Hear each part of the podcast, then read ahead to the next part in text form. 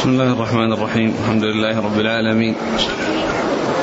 والصلاة والسلام على عبد الله ورسوله نبينا محمد وعلى آله وصحبه أجمعين. أما بعد فيقول الإمام الحافظ ابن ماجه القزويني رحمه الله تعالى يقول في سننه باب الإبراد بالظهر في شدة الحر.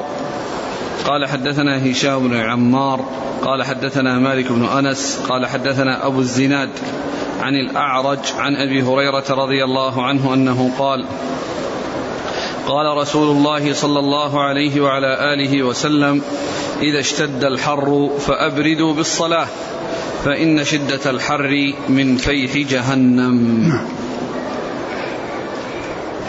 قال حدثنا محمد بن رمح قال أخبرنا الليث بن سعد عن ابن شهاب عن سعيد بن المسيب وأبي سلمة بن عبد الرحمن عن أبي هريرة رضي الله عنه أن رسول الله صلى الله عليه وعلى آله وسلم قال إذا اشتد الحر فأبردوا بالظهر فإن شدة الحر من فيح جهنم. قال حدثنا أبو كريب قال حدثنا أبو معاوية عن الأعمش عن أبي صالح عن أبي سعيد رضي الله عنه أنه قال قال رسول الله صلى الله عليه وسلم أبردوا بالظهر فإن شدة الحر من فيح جهنم. قال حدثنا تميم بن المنتصر الواسطي قال حدثنا إسحاق بن يوسف عن شريك عن بيان عن قيس بن أبي حازم عن المغيرة بن شعبة رضي الله عنه أنه قال كنا نصلي مع رسول الله صلى الله عليه وسلم صلاة الظهر بالهاجرة فقال لنا أبردوا بالصلاة فإن شدة الحر من فيح جهنم. قال حدثنا عبد الرحمن بن عمر قال حدثنا عبد الوهاب الثقفي عن عبيد الله عن نافع عن ابن عمر رضي الله عنهما أنه قال قال رسول الله صلى الله عليه وسلم أبردوا بالظهر بسم الله الرحمن الرحيم الحمد لله رب العالمين وصلى الله وسلم وبارك على عبده ورسوله نبينا محمد وعلى آله وأصحابه أجمعين. أما بعد فيقول الإمام ماجه رحمه الله باب الإبراد في صلاة الظهر. الإبراد هو دخول الدخول في وقت البرد أو البراد أو الدخول في وقت البرد يعني بمعنى أن أنه تؤخر الصلاة عن آه، وقت الظهيرة الذي هو كون الشمس على الرؤوس ثم بعدما تزول يعني فحرارتها شديدة من فوق والرمضة شديدة من تحت. فإنه في آه، في هذه الحال تؤخر الصلاة يعني حتى تنكسر حدة الشمس وشدة حرارتها. وهذا فيما إذا اشتد الحر. وأما الأصل أن الصلوات تصلى في أول وقتها ويبادر فيها في أول وقتها ولا تؤخر عن وقتها. يعني آه أن هذا هو الأولى. ويجوز إيقاع الصلاة في أي وقت من أوقاتها ولكن المبادرة هي الأولى والأفضل. ولكن الظهر في حال شدة الحر تؤخر يعني حتى تخف الحرارة.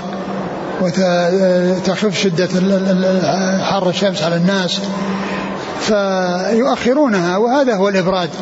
وقد جاء عن عدد من الصحابة آه، الذين ذكرهم يعني بما جاء هنا عدد من أصحاب الرسول صلى الله عليه وسلم كلهم يعني يحكون عنه ويروون عنه أنه أمر بالإبراد في الظهر في شدة الحر وقال فإن شدة الحر من فيح جهنم. فإن شدة الحر من فيح جهنم. معنى ذلك أنهم يؤخرون أو يتأخرون حتى يتلافوا يعني التعرض لهذا الحر الشديد. وقد وصف النبي صلى الله عليه وسلم في بعض هذه الأحاديث أن شدة الحر من فيح جهنم. وقد قال بعض أهل العلم أن هذا تمثيل وتشبيه وأن هذه الحرارة آه، آه، شبهت بتلك الحرارة وبعض أهل العلم يقول أنه على بابه وأن هذا من شدة آه، فيح جهنم. وقد جاء في بعض الأحاديث ذكر النفسين نفس في الشتاء ونفس في الصيف. يعني فما يوجد من شدة الحر في الصيف هو من فيح جهنم وما يوجد من شدة البرد في الشتاء هو من زمهرير جهنم. فلا مانع حقيقة أن يكون ذلك حقيقة وأن يكون الأمر آه، آه، أن هذا من من جهنم. ثم أيضا فيه دليل على أن الجنة على أن النار موجودة. ومن المعلوم أن الجنة والنار موجودتان الآن. الجنة والنار مخلوقتان موجودتان الآن. لا يقال إنهما لا يخلقان إلا يوم القيامة. وإنما هما مخلوقتان وقد جاءت الأحاديث الكثيرة الدالة على ذلك. بل جاء في القرآن ما يدل على أن آل فرعون يعذبون في عذاب بعذاب جهنم وهم في قبورهم. كما قال الله عز وجل النار يعرضون عليها غدوا وعشيا. ويوم تقوم الساعة أدخلوا آل فرعون أشد العذاب. يعني يوم تقوم الساعة يعني يوم يحصل البعث والنشور ويخرج الناس من القبور فإن آل فرعون ينتقلون من عذاب شديد إلى عذاب أشد. النار يعرضون عليها غدوا وعشيا ويوم تقوم الساعة أدخلوا آل فرعون أشد العذاب. لأن قيام الساعة يطلق إطلاقين. يطلق على قيامها وهو انتهاء انتهاء انتهاء الدنيا وحصول النفخ الصورة النفخة الأولى التي يحصل بها الموت ثم النفخة الثانية التي يحصل بها البعث. وهنا في هذه الآية المقصود بقيام الساعة يعني نفخة البعث التي يخرج الناس من قبورهم فينتقل آل فرعون وكذلك الكفار من عذاب شديد إلى عذاب أشد. فهذا يدل على وجود النار لأن لأن آل فرعون يعذبون فيها وهم في قبورهم قبل أن يأتي يوم القيامة. قبل أن تقوم الساعة وقبل أن يبعث الناس من القبور يعذبون في في قبورهم. وكذلك الأحاديث الأخرى التي منها حديث البراء بن عازب أن النبي عليه الصلاة والسلام قال إذا سئل الإنسان عن ربه ودينه ونبيه وكان جوابه مسددا موفقا فإنه يفتح له باب إلى الجنة فيأتيه من روحها ونعيمها. وإذا كان بخلاف ذلك فتح له باب إلى النار فيأتيه من حرها وسمومها.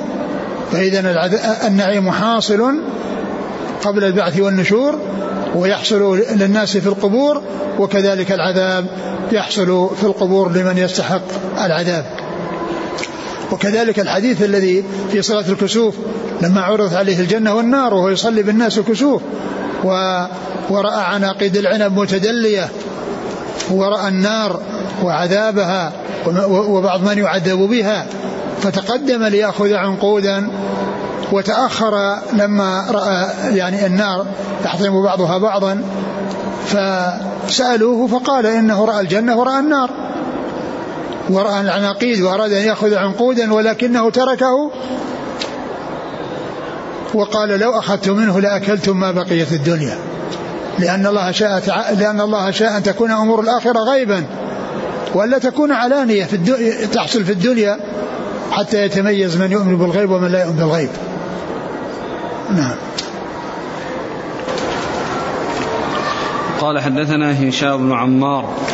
صدوق أخرجه البخاري وأصحاب السنة. عن مالك بن أنس. إمام دار الهجرة المحدث الفقيه. أحد أصحاب المذاهب الأربعة المشهورة من مذاهب السنة. وحديثها أخرج أصحاب الكتب الستة. عن أبي الزناد. وهو عبد الله بن ذكوان المدني ثقة. أخرج أصحاب الكتب. عن الأعرج. الأعرج عبد الرحمن بن هرمز المدني ثقة أخرج أصحاب الكتب. عن أبي هريرة. نعم. قال حدثنا محمد بن رمح. هو المصري ثقة أخرج حديثه مسلم بن ماجه. عن الليث بن سعد. ثقة أخرج أصحاب الكتب. عن ابن شهاب. محمد بن مسلم بن عبد الله ثقة أخرج أصحاب الكتب. عن سعيد بن المسيب. وهو ثقة فقيه أخرج أصحاب الكتب. وأبي سلمة بن عبد الرحمن. وهو كذلك ثقة فقيه أخرج أصحاب الكتب. قال حدثنا أبو كريب. محمد بن العلاء بن كريب ثقة أخرج أصحاب الكتب. عن أبي معاوية. محمد بن خازم الضرير الكوفي ثقة أخرج أصحاب الكتب. عن الأعمش. سليمان بن مهران ثقة أخرج أصحاب الكتب. عن أبي صالح. أبو صالح ذكوان السمان ثقة أخرج أصحاب الكتب. عن أبي سعيد. هو الخدري سعد بن مالك بن سنان أحد السبعة المكثرين من حديث الرسول صلى الله عليه وسلم. قال حدثنا تميم بن المنتصر. هو؟ ثقة أبو داود والنسائي وابن ماجه. نعم. عن إسحاق بن يوسف. هو الأزرق ثقة أخرج أصحاب الكتب. عن شريك. شريك بن عبد الله النخعي الكوفي صدوق أخرج حديث البخاري تعليقا ومسلم وأصحاب السنن. عن بيان. بيان بن بشر ثقة أخرج له. أصحاب الكتب. نعم عن قيس بن أبي حازم. قيس بن أبي حازم ثقة أخرج أصحاب الكتب. عن المغيرة بن شعبة. رضي الله عنه أخرج أصحاب الكتب. عن قال حدثنا عبد الرحمن بن عمر. هو؟ ثقة أخرجه ابن ماجه. نعم. عن عبد الوهاب الثقفي. هو؟ ثقة أخرجه أصحاب الكتب. نعم. عن عبيد الله عن نافع عن ابن عمر. عبيد الله بن عمر العمري ثقة أخرج أصحاب الكتب ونافع مولى بن عمر ثقة أخرج أصحاب الكتب. نعم. هل يسن الإبراد للمرأة في بيتها وكذلك للمنفرد؟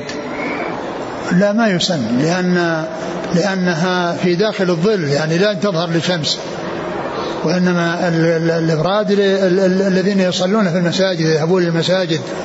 يعني فإنها تؤخر لأنهم يمشون في الرمضة ويمشون تحت الشمس. وأما من كان في البيت مثل النساء فإنها في الظل تصليها في أول وقتها. وكذلك من يكون في بلاد باردة. بلاد الباردة كما هو معلوم بالنسبة للظهر هو وقت وقت ال- ال- الدفء. لوجود الشمس وإنما البرد يعني يكون في, الغالب في الليل. وال- والإبراد إنما جاء في الظهر من أجل آه، يعني آه، آه، سلامة من شدة الحر في وقت الظهيرة. هل الإبراد يعمل به في هذه الأيام مع وجود كثير من وسائل التبريد في المساجد؟ ال- آه، آه،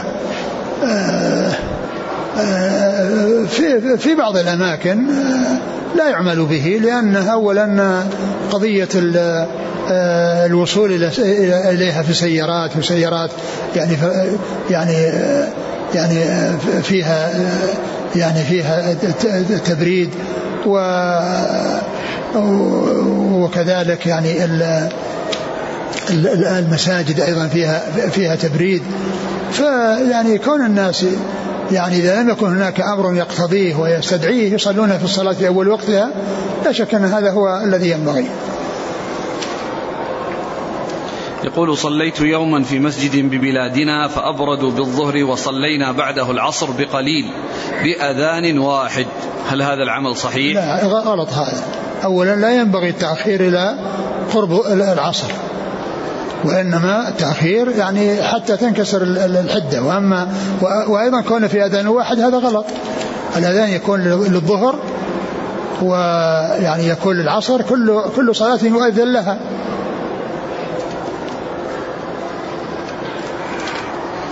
وهذا يذكر أنه كذلك يقع في بلادهم يجمعون جمع صوري يؤخرون الظهر إلى وقت. قريب وقت العصر فيقول هل نصلي نحن لوحدنا في أول وقت الظهر ونعيد مع الجماعة أو نصلي مع الجماعة من غير يعني إعادة؟ ينبغي ينبغي ل- لهم أن يعلموا وأن ينبهوا على أن مثل هذا العمل غير صحيح وأن كل صلاة تصلى في وقتها والإبراد لا يكون إلى آخر الوقت بحيث يكون بصورة الجمع وإنما يكون يعني بعد آه، بعد أول وقت بوقت يعني يحصل معه آه، خفه آه، شدة الحرارة. فعليكم أن تناصحوهم بأن لا يفعلوا هذا الفعل وأن يصلوا والآن يبردوا ال- الإبراد الذي لا يصل إلى أن آه، يجمعوا بين الصلاتين. يعني سواء لأن هذا أيضا قد يؤدي إلى أنهم يصلون إحدى الصلاتين في غير وقتها لأن التحديد بالضبط دقيقة أن تفصل بين هذه وهذه هذا صعب. فالذي يفعل هذا الفعل يعرض نفسه لأن يوقع الصلاة في غير وقتها قال رحمه الله تعالى باب وقت صلاة العصر. قال حدثنا محمد بن رمح قال أخبرنا الليث بن سعد عن ابن شهاب عن أنس بن مالك رضي الله عنه أنه أخبره أن رسول الله صلى الله عليه وسلم كان يصلي العصر والشمس مرتفعة حية فيذهب الذاهب إلى العوالي والشمس مرتفعة. ثم ذكر وقت العصر. وقت العصر يعني ليس بينه وبين وقت الظهر آه، فاصل. بل إذا خرج وقت هذه دخل وقت هذه. ومثلها المغرب ليس بينها وبين صلاة العشاء فاصل. بل إذا خرج وقت هذه دخل وقت هذه. والفجر هي التي آه، يعني آه، نهايتها طلوع الشمس. وبين طلوع الشمس والزوال ليس وقتا لشيء من الصلوات المفروضة. بعد طلوع الشمس وقبل والزوال بين بين طلوع الشمس والزوال ليس وقتا لأوقات ليس وقتا لصلاة مفروضة. وعلى هذا فإن صلاة العصر يعني آه إذا إذا كان ظل الشيء مثله آه يعني بدأ جاء وقت صلاة العصر إلى أن يكون مثليه أو إلى أن يكون إلى الاصفرار. وقد جاء في بعض الأحاديث يعني ما يبين صفة الشمس يعني عند وقت صلاة العصر وأنهم يصلونها وهي بيضاء نقية فيذهب الذاهب إلى العوالي يعني بعد صلاة العصر. يعني معنى ذلك أنهم يصلونها وهي حية يعني أن أن, أن أنها فيها حرارة وأنها لم تك لم تذهب حرارتها إطلاقا بحيث يعني تصفر أو وإنما هي بيضة نقية يعني معناه أنها على على على صفائها وعلى شدتها لكن معلوم أن الحرارة انكسرت. الحرارة انكسرت قبل ذلك. نعم. قال حدثنا محمد بن رمح عن عن الليث بن سعد عن ابن شهاب عن أنس بن مالك. نعم. رباعي. هذا رباعي نعم. هذا من أعلى الأسانيد عند ابن ماجه. قال حدثنا أبو بكر بن أبي شيبة قال حدثنا سفيان بن عيينة عن الزهري عن عروة عن عائشة رضي الله عنها أنها قالت صلى النبي صلى الله عليه وسلم العصر والشمس في حجرتي لم يظهر الفيء بعد. ثم ذكر هذا الحديث عن عائشة أن النبي صلى الله عليه وسلم صلى العصر والشمس في حجرتها لم يظهر الفيء بعد. لم يظهر الفيء بعد يعني الظلال إنه لم يرتفع. يعني الذي يعني يسقط يعني الشمس يعني في حجرتها يعني لم يرتفع الظلال بعد يعني بمعنى أنها أنه يعني آه، ما تأخر في فيها بحيث يعني يرتفع الظلال بسبب آه، آه، تقدم الشمس والى إلى إلى إلى إلى, إلى الغروب. وإنما يعني صلى وهي على هذه الحالة ومن جنس ما تقدم أنه يعني صلاها يعني في أول وقتها نعم. قال حدثنا أبو بكر بن أبي شيبة ثقة أخرج أصحاب الكتب إلى الترمذي. عن سفيان بن عيينة. ثقة أخرج أصحاب الكتب. عن الزهري. نعم. عن عروة عن عائشة. نعم. يقول السائل في بلدنا إمام المسجد يؤخر صلاة العصر إلى آخر وقتها كل يوم ويقول بأنه هو على المذهب الحنفي. فالسؤال هل أصلي معه أو ماذا أفعل؟ آه ينصح إلى أنه آه لا يؤخرها إلى هذا الوقت وإنما عليه أن يقدمها عليه أن يقدمها. وإذا أمكنكم أن, أن, أن أنكم تجدون يعني مسجد أو توجدون مسجدا أنتم تصلون فيه بالوقت لأن يعني هذا التأخير يعني الشديد يعني هذا آه، إخراج لها عن عن وقتها المختار. معلوم أن الوقت المختار إلى حين الاصفرار ووقت الاضطرار إلى غروب الشمس. ولكن لا يؤخر أو لا تؤخر عن وقت الاختيار إلا في حال ضرورة. وأما آه، فعل ذلك من غير ضرورة فإن ذلك لا يسوق. ولكن الصلاة إذا فعلت فيه تكون أداء. لا يقال لها قضاء. لا يقال لها قضاء. فأنتم تعملون على يعني تنبيهه على التقديم. وإذا أمكنكم أن آه، توجدوا مسجدا وتصلون فيه الصلاة في وقتها لا شك أن هذا هو الذي ينبغي لكم. وإن صليتم معه فالصلاة صحيحة. لأنه لأنه إلى غروب الشمس كله وقت أداء. لكن آه، ما بعد الاصفرار هو اضطرار وليس اختيار. قال رحمه الله تعالى باب المحافظة على صلاة العصر. قال حدثنا أحمد بن عبدة قال حدثنا حماد بن زيد عن عاص بن بهدلة عن زر بن حبيش عن علي بن أبي طالب رضي الله عنه أن رسول الله صلى الله عليه وسلم قال يوم الخندق ملأ الله بيوتهم وقبورهم نارا كما شغلونا عن الصلاة الوسطى. نعم. قال حدثنا هشام بن عمار قال حدثنا سفيان بن عيينة عن الزهري عن سالم عن ابن عمر رضي الله عنهما أن رسول الله صلى الله عليه وسلم قال إن الذي تفوته صلاة العصر فكأنما وتر أهله وماله نعم.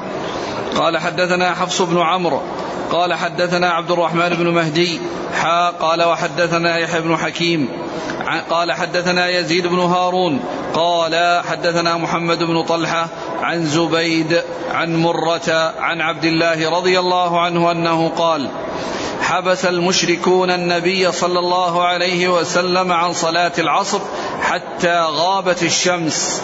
فقال حبسونا عن صلاة الوسطى ملأ الله قبورهم وبيوتهم نارا. نعم, نعم. ثم ذكر آه، ابن ماجه رحمه الله باب باب المحافظة على صلاة العصر. باب المحافظة على صلاة العصر. الصلوات كلها يحافظ عليها ولكن العصر يعني جاء ما يدل على التأكيد المحافظة عليها بخصوصها. قال الله عز وجل حافظوا على الصلاة والصلاة الوسطى. فيعني ذكر الصلوات كلها يحافظ عليها وخص الوسطى. وقد جاء تفسيرها بأنها العصر في بعض الأحاديث الصحيحة. فيها خلاف ولكن الذي دلت عليه الأدلة أنها, العصر كما ثبت في الصحيح. ذلك عن رسول الله صلى الله عليه وسلم. فالمحافظة عليها جاءت يعني آه، مع اندراجها تحت العام ومع التنصيص عليها بخصوصها لأن قوله حافظوا على الصلوات والصلاة الوسطى الصلاة الوسطى داخلة صلاة العصر داخلة في قوله حافظوا على الصلوات. ولكنه عطف الخاص على العام وإن كان الخاص داخلا في العام وذلك لمزيد الاهتمام بالخاص. فكأن الخاص ذكر مرتين. مرة في اندراجه تحت اللفظ العام ومرة بخصوصه. وذلك لأهمية ذلك الخاص. مثل تنزل الملائكة والروح. الملائكة الروح هو جبريل وهو من الملائكة. فكان ذكر مرتين. مرة في دخوله مع الملائكة ومرة بانفراده.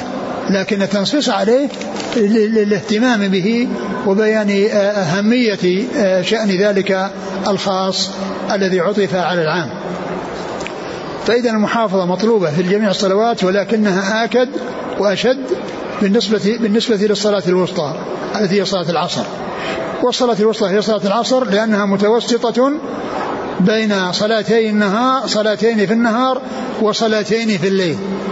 قبلها صلاتان هما من صلوات النهار وبعدها صلاتان هما صلاة الليل فهي متوسطة بينهما.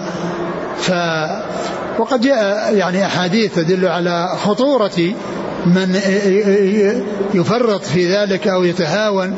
وقد جاء في هذا الحديث من آه، من من من, من ترك الثاني إن الذي تفوته صلاة نعم. العصر فكأنما وتر أهله وماله. إن الذي تفوته صلاة العصر كأنما وتر أهله وماله. أو وتر أهله وماله. يعني كأنما سلب. ومعلوم أن الإنسان الذي يفقد أهله وماله دفعة واحدة هكذا يعني يصير له مصيبة عظيمة. فالنبي صلى الله عليه وسلم بين مصيبة من يكون كذلك يعني بالتمثيل بشيء محسوس مشاهد إذا حصل الإنسان فهي نكبة كبيرة ومصيبة عظيمة يعني آه، صدمة شديدة يعني فإن هذا يكون مثل هذا وهذا كله من أجل الترغيب في المحافظة على الصلاة وعدم التهاون فيها بحيث تفوت عليه بحيث تفوته تلك الصلاة. فإنها خسارة فادحة ومصيبة كبيرة وهذا التمثيل بهذا البيان الذي هو تمثيل المعنوي بالحسي يعني يبين خطورة يعني ذلك. وكل إنسان إذا حصل له مصيبة في أهله بأن يكون بقي وحيدا كان عنده أهل وعنده أولاد ثم في لحظة يذهبون جميعا ثم يبقى وحيدا هذه مصيبة عظيمة. فمصيبة هذا الذي تفوته الصلاة صلاة العصر مثل مثل هذه المصيبة. فهذا كله فيه تحذير وترهيب من التهاون في في صلاة العصر. وقد جاء في بعض الأحاديث حبط عمله. حبط عمله. وإن وإن كان يعني هذا هذا الحبوط يعني آه، ليس معنى ذلك أنه مثل الكفر إلا أن الشيء الذي يوصف بأنه حبوط في حبوط يعني يدل على خطورته. وقد جاء في بعض آه، آه، النصوص ما يدل على أن رفع الصوت وعلى أن أنه يحبط العمل برفع الصوت عند النبي صلى الله عليه وسلم كما جاء في الآية الكريمة آه، أن تحبط أعمالكم وأنتم لا تشعرون. يعني ف فهذا يعني يدل على أن حبوط العمل يكون بالشرك ويكون بفعل أمر خطير وأمر آه، آه، تركه أو الوقوع فيه يعني يعني ضرره كبير ومصيبته كبيرة. وإن لم يصل إلى حد الكفر أو حد أو حد ان أعماله اللي راحت كلها تبطل من أولها إلى آخرها إلا أن الشيء الذي يوصف بأنه محبط للعمل فإنه في غاية الخطورة. نعم. أن الرسول صلى الله عليه وسلم قال يوم الخندق ملأ نعم. الله قال يوم الخندق ملأ الله قلوبهم أجوافهم وبطونهم الأول نعم. ملأ بيوتهم وقبورهم نارا كما شغلونا عن الصلاة الوسطى. ملأ بيوتهم. وقبورهم. ملأ بيوتهم وقبورهم نارا كما شغلونا عن الصلاة الوسطى. كما شغلونا عن الصلاة الوسطى. يعني دعا عليهم لأنهم شغلوه عن هذه الصلاة العظيمة انشغل بالحرب وبالقتال وباللقاء الأعداء حتى غابت الشمس كما جاء في بعض الأحاديث. نعم. في حديث عبد الله بن مسعود حبس المشركون النبي صلى الله عليه وسلم عن صلاة العصر حتى غابت الشمس. نعم. فقال حبسونا عن صلاة الوسطى. ملأ الله قبورهم وبيوتهم نارا. نعم. حديث ابن عمر إن الذي تفوته صلاة العصر. كأنما وتر أهله وماله. السؤال عن معنى الفوات. معنى الفوات فسر يعني بفواتها جماعة وفسر بخروجها عن وقتها أو عن عن وقتها المعتاد أو يعني وقتها ال يعني التفريط يعني في تأخير وقتها عن وقت الاضطرار. يعني فسر بهذه وبهذه. قال حدثنا أحمد بن عبدة ثقة أخرج حديث البخاري وأصحاب السنة. مسلم. مسلم وأصحاب السنة. عن حماد بن زيد. ثقة أخرج أصحاب الكتب. عن عاصم بن بهدلة. هو صدوق أخرج حديث أصحاب الكتب وروايته في الصحيحين مقرون. عن زر بن حبيش. وهو ثقة مخضرم أخرج أصحاب الكتب. عن علي بن أبي طالب. علي بن أبي طالب رضي الله عنه أمير المؤمنين ورابع الخلفاء الراشدين الهدي المهديين صاحب المناقب الجمة والفضائل الكثيرة. قال حدثنا هشام بن عمار عن سفيان بن عيينة عن الزهري عن سالم عن ابن عمر. سالم ولا ابن عمر ثقة أخرج أصحاب الكتب. قال حدثنا حفص بن عمرو. هو؟ صدوق. أخرج. لا هذا ثقة أخرج له أبو داود فضائل الأنصار وابن ماجه. نعم. عن عبد الرحمن بن مهدي. ثقة أخرج أصحاب الكتب. قال وحدثنا يحيى بن حكيم. هو؟ ثقة أخرج أبو داود والنسائي بن ماجه. م. عن يزيد بن هارون. الواسطي ثقة أخرج أصحاب الكتب. عن محمد بن طلحة. محمد بن طلحة هو؟ صدوق له أوهام. نعم. رجع أصحاب الكتب إلا النسائي ففي مسند علي. نعم. عن زبيد. زبيد اليامي ثقة أخرج أصحاب الكتب. عن مرة. مرة الطيب ثقة أخرج أصحاب الكتب. عن عبد الله. عبد الله بن مسعود رضي الله عنه أخرج أصحاب الكتب. قال رحمه الله تعالى باب وقت صلاة المغرب. قال حدثنا عبد الرحمن بن إبراهيم الدمشقي قال حدثنا الوليد بن مسلم قال حدثنا الأوزاعي قال حدثنا أبو النجاشي قال سمعت رافع بن خديج رضي الله عنه يقول كنا نصلي المغرب على عهد رسول الله صلى الله عليه وسلم فينصرف أحدنا وإنه لينظر إلى مواقع نبله. ثم ذكر وقت صلاة المغرب وأنها إذا غابت الشمس وتوارت فإنه يدخل وقت صلاة المغرب وصلاتها في أول وقتها ويمتد ذلك إلى مغيب الشفق الأحمر الذي يكون بعد غروب الشمس. ثم ذلك يدخل وقت العشاء. وليس هناك حد فاصل بين المغرب والعشاء كما ذكرت. فكان فذكر هذا الحديث أن أنهم كانوا يصلون المغرب مع رسول الله صلى الله عليه وسلم وأن الواحد منهم ينظر إلى موضع نبله. يعني معناه أن أن أن, أن الضياء موجود يعني ما حصل الظلام. يعني بحيث أن الإنسان إذا أرسل نبله يرى المكان الذي يقع فيه. لأنه ما اختلط الظلام بحيث الإنسان لا يرى مواقع النبل. وهذا كناية عن كونهم يؤدونها في أول وقتها ويبادرون إلى في أدائها إلى أدائها في أول وقتها. نعم. قال حدثنا عبد الرحمن بن إبراهيم الدمشقي. هو دحيم ثقة أخرج له أخرج له البخاري. نعم وأبو داود والنسائي بن ماجه. نعم. عن الوليد بن مسلم. ثقة أخرج أصحاب الكتب. عن الأوزاعي.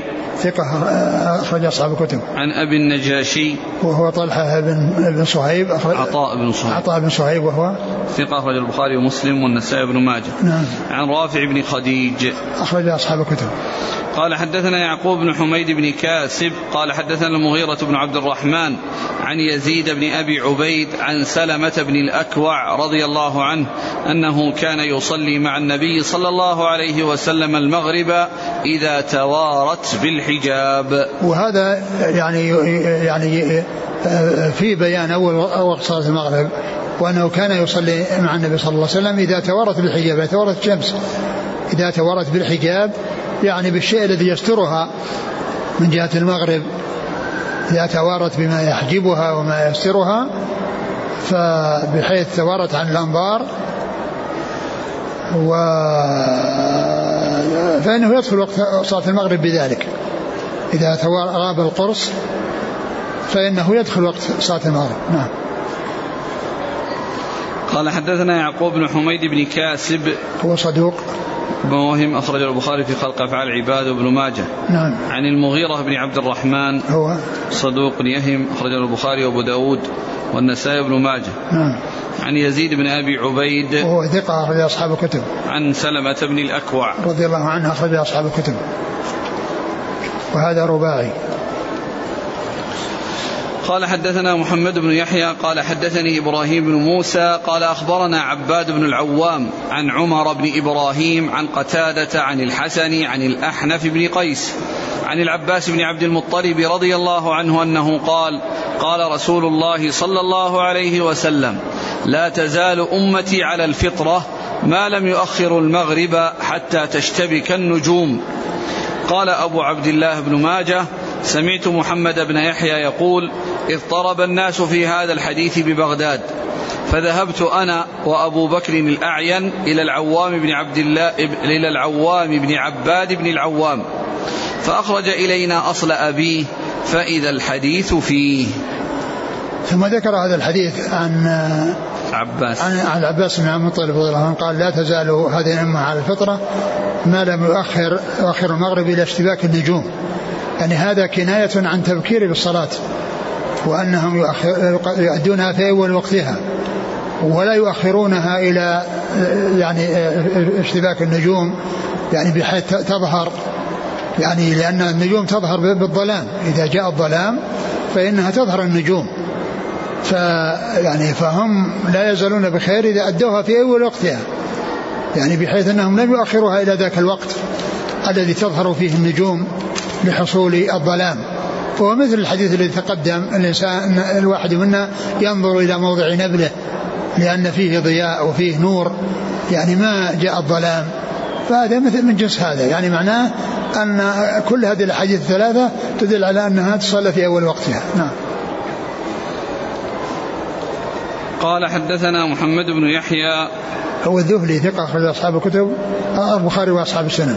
عن إبراهيم بن موسى وهو ثقة أخرج أصحاب الكتب. نعم. عن عباد بن العوام وهو ثقة أخرج أصحاب الكتب. نعم. عن عمر بن إبراهيم وهو صدوق وفي حديثه عن قتادة ضعف له أبو داود في القدر والترمذي والنسائي بن ماجه. نعم. عن قتادة عن الحسن قتادة بن دعامة ثقة أخرج أصحاب الكتب والحسن بن أبي الحسن ثقة أخرج أصحاب الكتب. عن الأحنف بن قيس. والأحنف بن قيس. ثقة أخرج له. أصحاب الكتب. نعم. عن العباس بن عبد المطلب. رضي الله عنه أخرج أصحاب الكتب. قال أبو عبد الله بن ماجه سمعت محمد بن يحيى يقول اضطرب الناس في هذا الحديث ببغداد فذهبت أنا وأبو بكر الأعين. من هو أبو بكر محمد بن أبي عتاب البغدادي صدوق أخرج له مسلم في المقدمة والترمذي. نعم. إلى العوام ابن عباد بن عوام. مقبول أخرج له ابن ماجه. نعم. فأخرج إلينا أصل أبيه فإذا الحديث فيه. نعم. قال ابن القطان حدثنا أبو يحيى الزعفراني قال حدثنا إبراهيم بن موسى نحوه. نعم. يعني هذا الزعفراني أبو, أبو يحيى؟ ليس من رجال الكتب. نعم يقول السائل هل صحيح أن ما بين مغيب الشمس ومغيب الشفق مقدار ساعة ونصف؟ نعم صحيح. وإذا صحيح. قدر بهذا المقدار. وإذا كان صحيحا فهل هذا على مدار السنة أو بعض الفصول دون بعض؟ لا فيما على مدار السنة. قال رحمه الله تعالى باب وقت صلاة العشاء. قال حدثنا هشام بن عمار قال حدثنا سفيان بن عيينة عن أبي الزناد عن الأعرج عن أبي هريرة رضي الله عنه أن رسول الله صلى الله عليه وسلم قال لولا أن أشق على أمتي لأمرتهم بتأخير العشاء. نعم. قال حدثنا أبو بكر بن أبي شيبة قال حدثنا أبو أسامة وعبد الله بن نمير عن عبيد الله عن سعيد بن أبي سعيد عن سعيد بن أبي سعيد عن أبي هريرة رضي الله عنه أنه قال قال رسول الله صلى الله عليه وسلم لولا أن أشق على أمتي لاخرت صلاة العشاء إلى ثلث الليل أو نصف الليل. نعم. قال حدثنا محمد بن المثنى قال حدثنا خالد بن الحارث قال حدثنا حميد قال سئل أنس بن مالك رضي الله عنه هل اتخذ النبي صلى الله عليه وسلم خاتما؟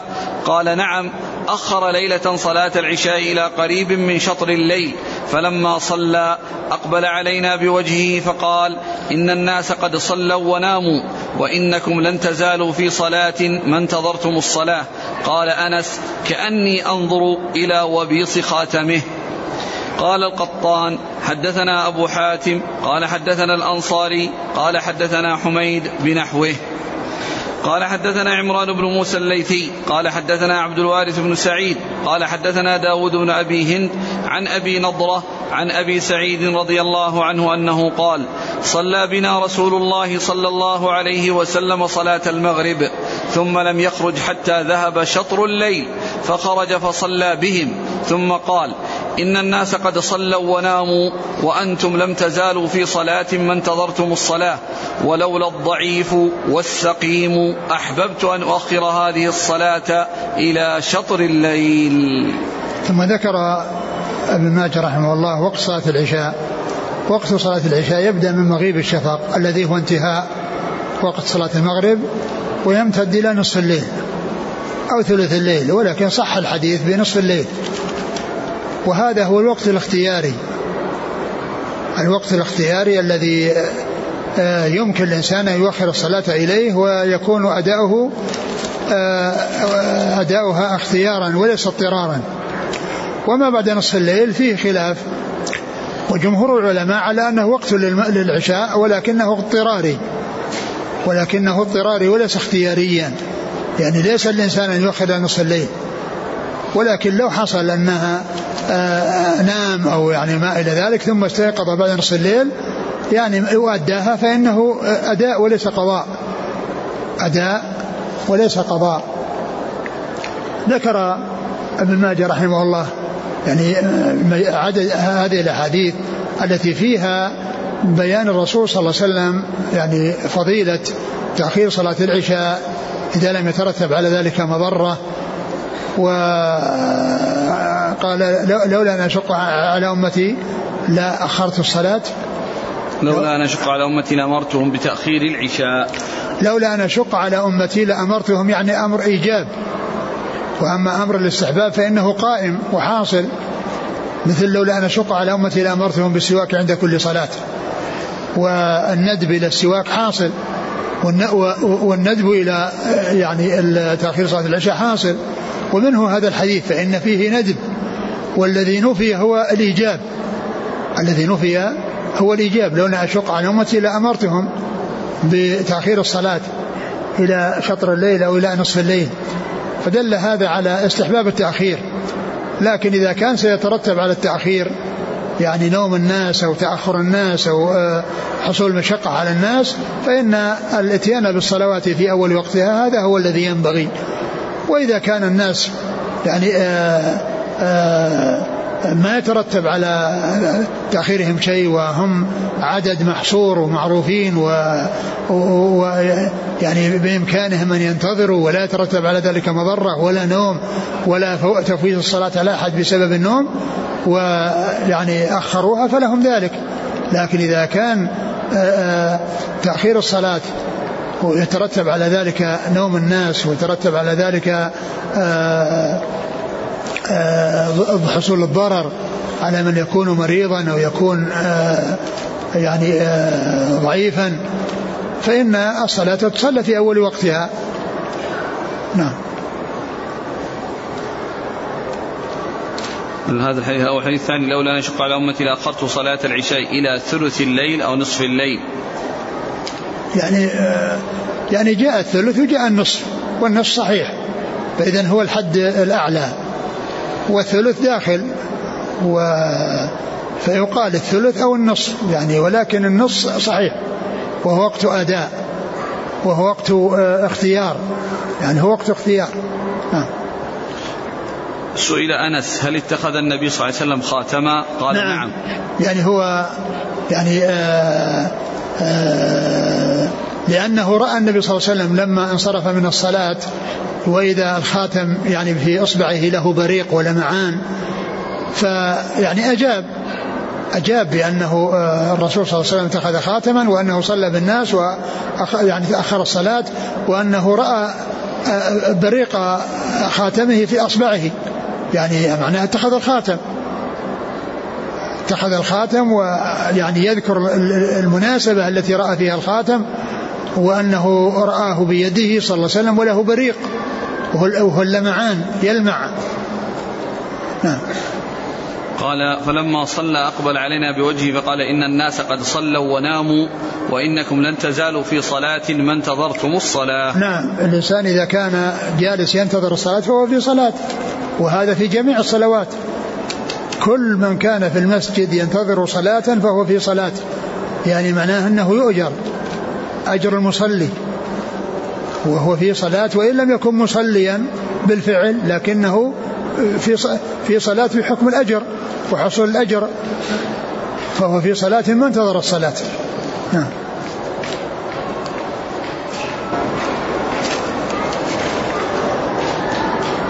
إن الناس في الحديث إن الناس قد صلوا وناموا وأنتم لم تزالوا في صلاة ما انتظرتم الصلاة. ولولا الضعيف والسقيم أحببت أن أؤخر هذه الصلاة إلى شطر الليل. يعني آه صلوا وناموا يعني في غير هذا المكان. يعني الناس صلوا وناموا والمساجد الأخرى والأماكن الأخرى يعني حصل منهم وأنه وأنتم يعني آه، يعني لا زلتم في صلاة ولولا أن أشق على أمتي لأخذت الصلاة إلى إلى شطر الليل. والشطر يطلق على النصف وقد يطلق على يعني آه، غير النصف. لكن النصف ثابت عن رسول الله صلى الله عليه وسلم وهو أعلى شيء في الاختيار. قال حدثنا هشام بن عمار عن سفيان بن عيينة عن أبي الزناد عن الأعرج عن أبي هريرة. نعم. قال حدثنا أبو بكر بن أبي شيبة عن أبي أسامة. حماد بن أسامة ثقة أخرج أصحاب الكتب. وعبد الله بن نمير. ثقة أخرج أصحاب الكتب. عن عبيد الله عن سعيد بن أبي سعيد. هو المقبري ثقة أخرج أصحاب الكتب. قال حدثنا محمد بن المثنى. هو العنزي الملقب الزمن ثقة أخرج أصحاب الكتب. عن خالد بن الحارث. وهو الهجيمي ثقة أخرج أصحاب الكتب. عن حميد عن أنس. حميد بن أبي حميد الطويل.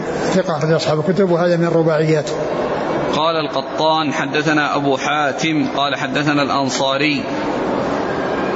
أبو حاتم هو محمد بن إدريس. وهو ثقة أخرج حديثه البخاري. وأبو داود والنسائي بن ماجه في التفسير. نعم.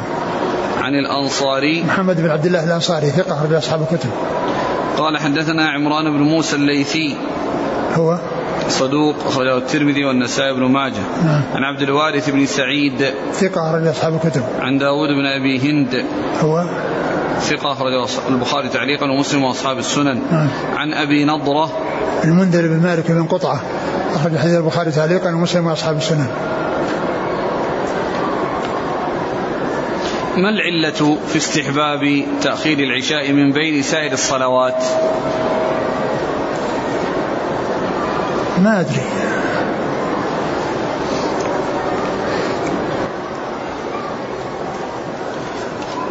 يوجد أفراد يؤخرون العشاء ويصلون وحدهم في المنزل بحجة هذه الأحاديث. بئس ما صنعوا.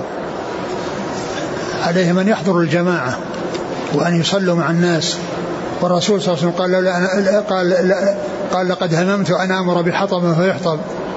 وأمر رجل فيؤم الناس ثم أخالف إلى رجال لا يصلون يخرج فأحرق عليهم بيوتهم بالنار.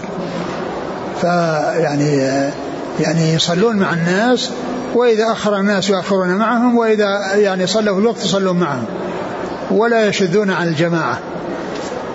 نعم.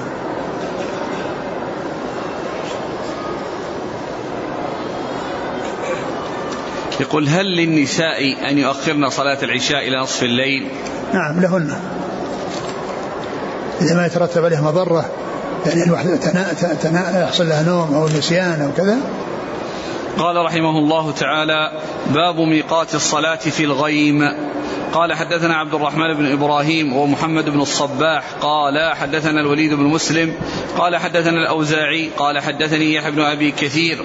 قال حدثني أبو قلابة قال حدثني أبو المهاجر عن بريدة الأسلمي رضي الله عنه أنه قال كنا مع رسول الله صلى الله عليه وعلى آله وسلم في غزوة فقال بكروا بالصلاة في اليوم الغيم فإنه من فاتته صلاة العصر حبط عمله.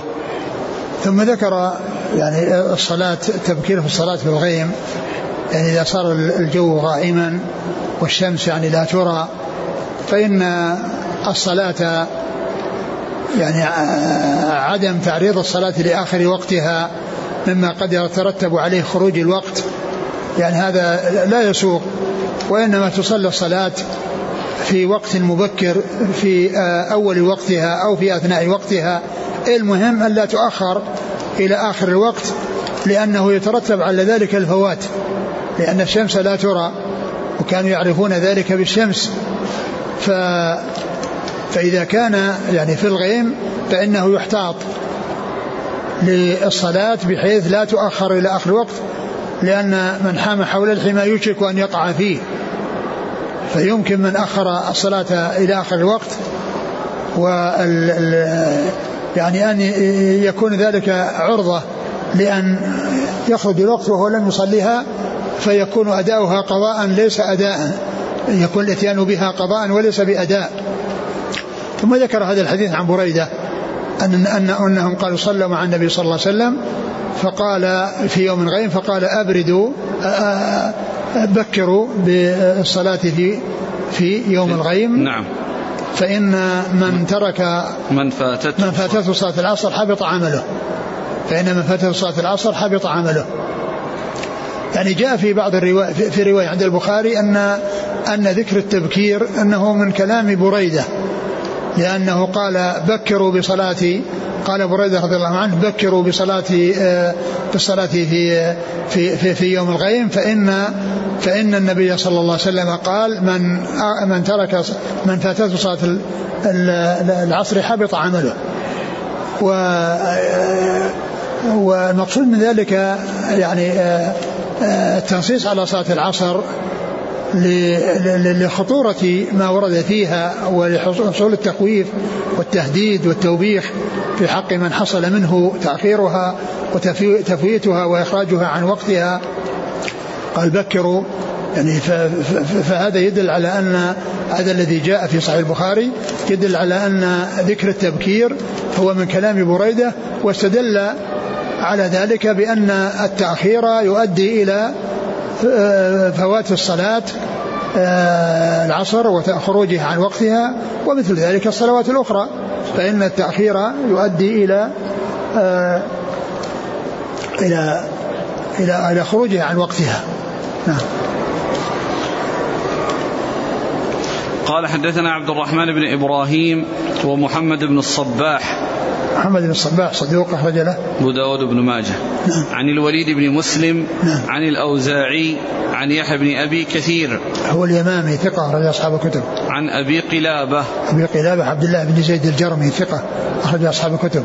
عن أبي المهاجر. وهو؟ ثقة أخرجه ابن ماجه. عن بريدة الأسلمي. آه هو في التقريب يعني إيش قال فيه؟ أبو المهاجر سالم بن عبد الله. سالم؟ ولا غيره. حسب الكنى إيش طبقة سالم؟ سالم بن عبد الله. لا. صوابه أبو السمع نعم نعم. آه. أبو المهاجر عن بريدة صوابه أبو المليح. أبو المليح نعم. وهم فيه الأوزاعي أيضا. مم. وهو ثقة؟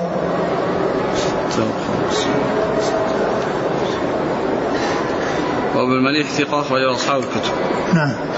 عن؟ لكن هكذا وقع أبو المهاجر يرمز له بسين قاف. أي مش طبقته بس. هنا ما ما ذكر له شيء. لا هذا أبو المهاجر اللي رمز القاف ذكر طبقته؟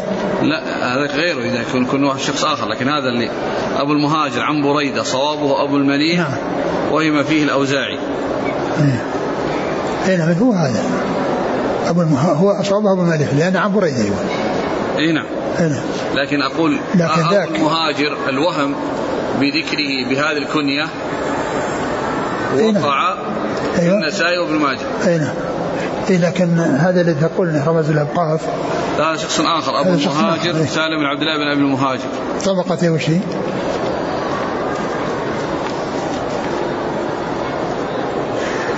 من السابعة. إيه متأخر.